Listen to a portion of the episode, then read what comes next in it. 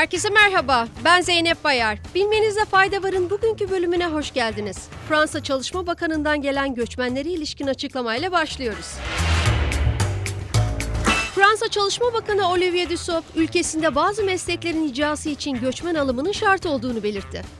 Hizmet sektöründe çalışan göçmen oranının %25 olduğunu ifade eden Dussopt, gerçekle yüzleşmeliyiz. Bu meslekler onlarsız olmazdı. Bazı profesyonel sektörler ülkemizde göç olmadan işleyemezdi dedi. Fransa, 2023'ün sonuna kadar ulusal meclise sunulması beklenen göç yasa tasarısıyla konaklama, restoran, sağlık veya inşaat gibi temel sektörlerde oturumu bulunmayan işçilerin de çalışmasına imkan tanımaya hazırlanıyor.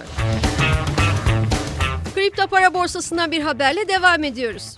Dünyanın en büyük kripto borsası Binance, ülkedeki regülasyonlar nedeniyle Hollanda pazarından çekilme kararı aldığını duyurdu. Binance'ten yapılan açıklamada şirketin Hollanda pazarından çekildiği ve Hollanda'da ikamet eden hiçbir yeni kullanıcının kabul edilmeyeceği kaydedildi. Sırada yapay zeka alanında yaşanan bir ilk var.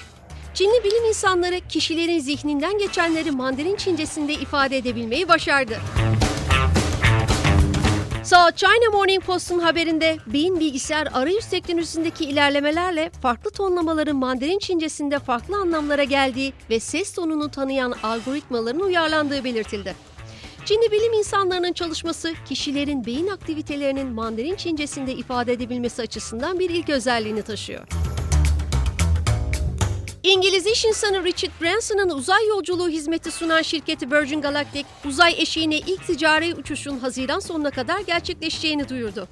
BBC'nin haberine göre şirket, Galactic 01 adlı ilk ticari uçuşunu 27-30 Haziran arasında gerçekleştirmeyi planladığını açıkladı.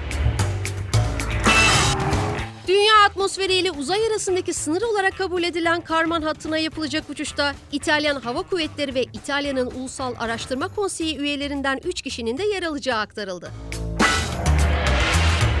Uzayı 80 kilometre irtifadan seyretme ve birkaç dakika yerçekimsiz ortamda bulunma olanağı sunan uçuş seferleri için şu ana kadar tanesi 450 bin dolardan 800 bile satıldı.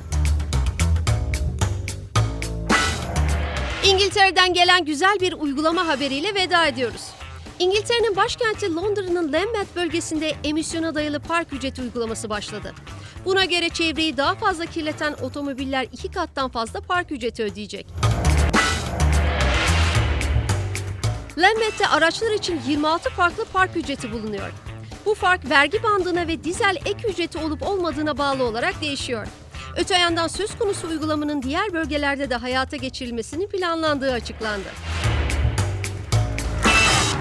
Bilmenize fayda varın bugünkü bölümünün sonuna geldik. Sağlık ve mutlulukla kalın.